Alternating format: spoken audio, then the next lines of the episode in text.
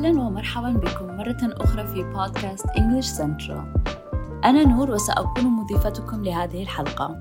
سنتحدث اليوم عن الزمن التام باللغة الإنجليزية. ما هي الأزمنة التامة بالضبط؟ وكيف تستخدمها في اللغة الإنجليزية؟ تصف الأزمنة التامة الإجراءات التي تم إكمالها.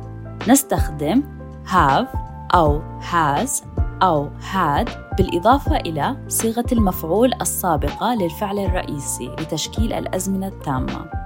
زمن المضارع التام نستخدم المضارع التام لإظهار إجراء بدأ في الماضي ويستمر في الوقت الحاضر. يتم استخدامه بشكل أساسي من خلال ثلاثة طرق لإظهار استمرار العمل. مثلاً I have lived here for two years. لقد عشت هنا لمدة عامين. She has always done laundry on a Sunday. لقد كانت دائما تغسل ملابس يوم الأحد. للإشارة إلى إجراء مكتمل مؤخرا She has finished her homework.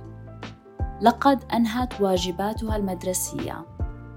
لوصف تجربة حتى اللحظة الحالية They have seen the new Avengers movie. لقد شاهدوا فيلم Avengers الجديد. الصيغة لتشكيل المضارع التام هي الفاعل زائد have أو had زائد الفعل في صيغة الماضي. إذا لم يتم استيفاء أحد هذه الشروط فلا تستخدم المضارع التام.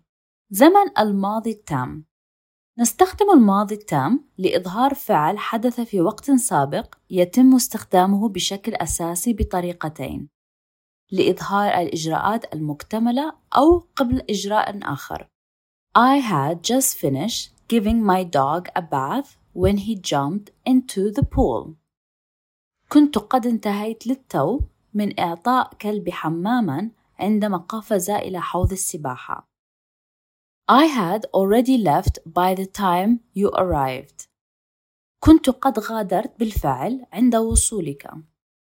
للتعبير عن الجملة الشرطية If he had studied for the test, he would have passed.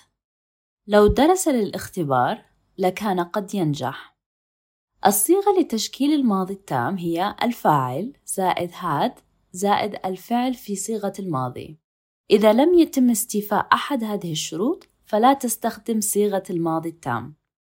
زمن المستقبل التام نستخدم المستقبل التام لوصف نشاط مكتمل في المستقبل عندما نتحدث بصيغة المستقبل التام فإننا نتحدث عن المستقبل كما لو كان قد اختبرناه بالفعل.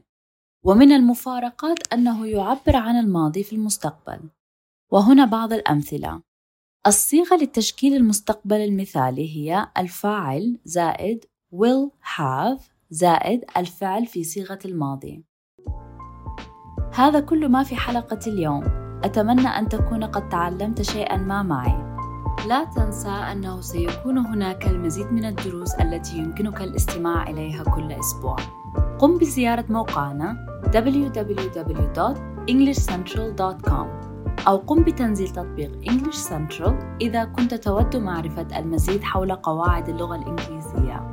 إذا استمتعت بهذه الحلقة فأضفنا إلى قائمة التشغيل الخاصة بك أو انقر على حفظ في حلقاتك شاهد وتعلم وتحدث وانطلق مع English Central. سأتحدث إليك مرة أخرى قريبا. شكرا لك على الإنصات.